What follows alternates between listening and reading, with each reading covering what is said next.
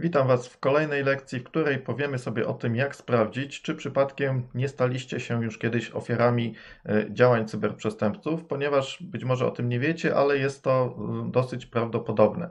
Mm, mówimy tutaj o przestępstwach głównie polegających na wyciekach danych, czyli, czyli włamaniach do jakichś systemów, z których dane zostają wykradzione, później upublicznione lub sprzedane e, na czarnym rynku. Jeżeli gdzieś tym się interesujecie i śledzicie takie informacje, no to wiecie prawdopodobnie, że e, dzieje się to stosunkowo często. Nie ma praktycznie tygodnia, żeby jakiś wyciek danych z jakiegoś dużego, e, poważnego serwisu internetowego nie nastąpił e, i należy, należy to uznać za po prostu fakt, który, z którym niewiele da się zrobić. Jeżeli rejestrujecie się w wielu systemach internetowych, korzystacie z różnych e, serwisów, a jest tego dzisiaj naprawdę dużo, każdy dokonuje zakupów w sklepach internetowych, ma te konta e, w jednym, drugim, trzecim sklepie, ma konto bankowe, nieraz, nieraz tych kont kilka, ma jakieś konta w dziennikach elektronicznych swoich dzieci, w różnych miejscach w internecie, w sieciach społecznościowych, e, do poczty, logujemy się i tych danych u różnych usługodawców na nasz temat jest niestety dużo.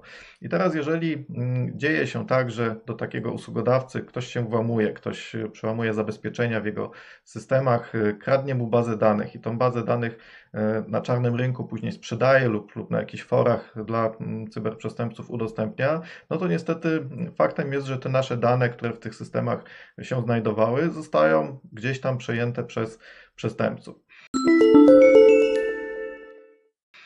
Dzieje się to na tyle często, że niestety stało się to dosyć dużym problemem i mm, dosyć dużym problemem, co za tym idzie, stał się fakt wynikający z tego, że my bardzo często stosujemy e, hasła w różnych systemach, które są hasłami powtarzalnymi.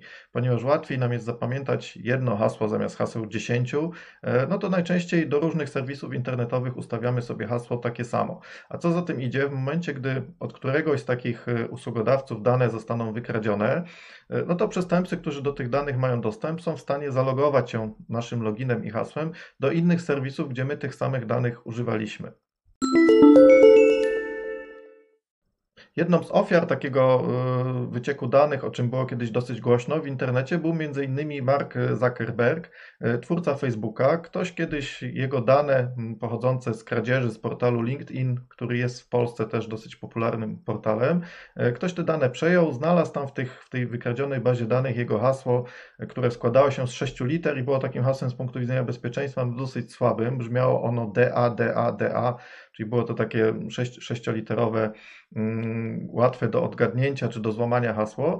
Natomiast ktoś z ciekawości, w momencie, gdy znalazł te jego dane w tej wykradzionej bazie, spróbował się tym jego hasłem zalogować na inne portale mm, społecznościowe, w których on miał konto i w ten sposób przejął mu konto e, między innymi na, na, między innymi na Instagramie i na Twitterze i o ile dobrze pamiętam, chyba też na Pinterestie. Więc to pokazuje, że ten problem związany z wyciekami danych y, i z bezpieczeństwem naszych haseł no jest takim problemem dosyć istotnym.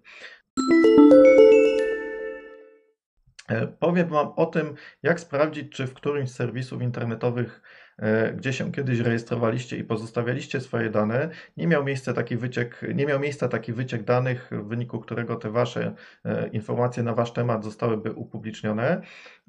Dzieje się to na tyle często, że powstał mm, specjalny serwis internetowy pewien, pewien Austriak Troy Hahn, zajmujący się badaniem bezpieczeństwa, stworzył taką stronę, gdzie można sobie informacje na temat tego, czy byliśmy kiedyś ofiarą jakiegoś wycieku danych, e, zweryfikować. Ponieważ jednak w podcaście nie jestem w stanie zaprezentować Wam tej strony i adres jest dosyć złożony, y, nie pokażę Wam też, jak y, można z niej skorzystać, przygotowałem dla Was taki y, specjalny filmik instruktażowy, w którym to wszystko możecie zobaczyć. Wejdźcie po prostu na adres najsłabszeogniwo.pl łamane przez podcast 1 i tam dowiecie się całej reszty. I to w tym odcinku już wszystko. Dziękuję Wam bardzo za wysłuchanie i zachęcam do dzielenia się tym podcastem ze swoimi znajomymi. Zapraszam Was również do śledzenia profilu najsłabszeogniwo.pl na Facebooku. Znajdziecie tam zawsze informacje o nowych zagrożeniach ze strony cyberprzestępców. Dziękuję raz jeszcze i do usłyszenia w kolejnym odcinku.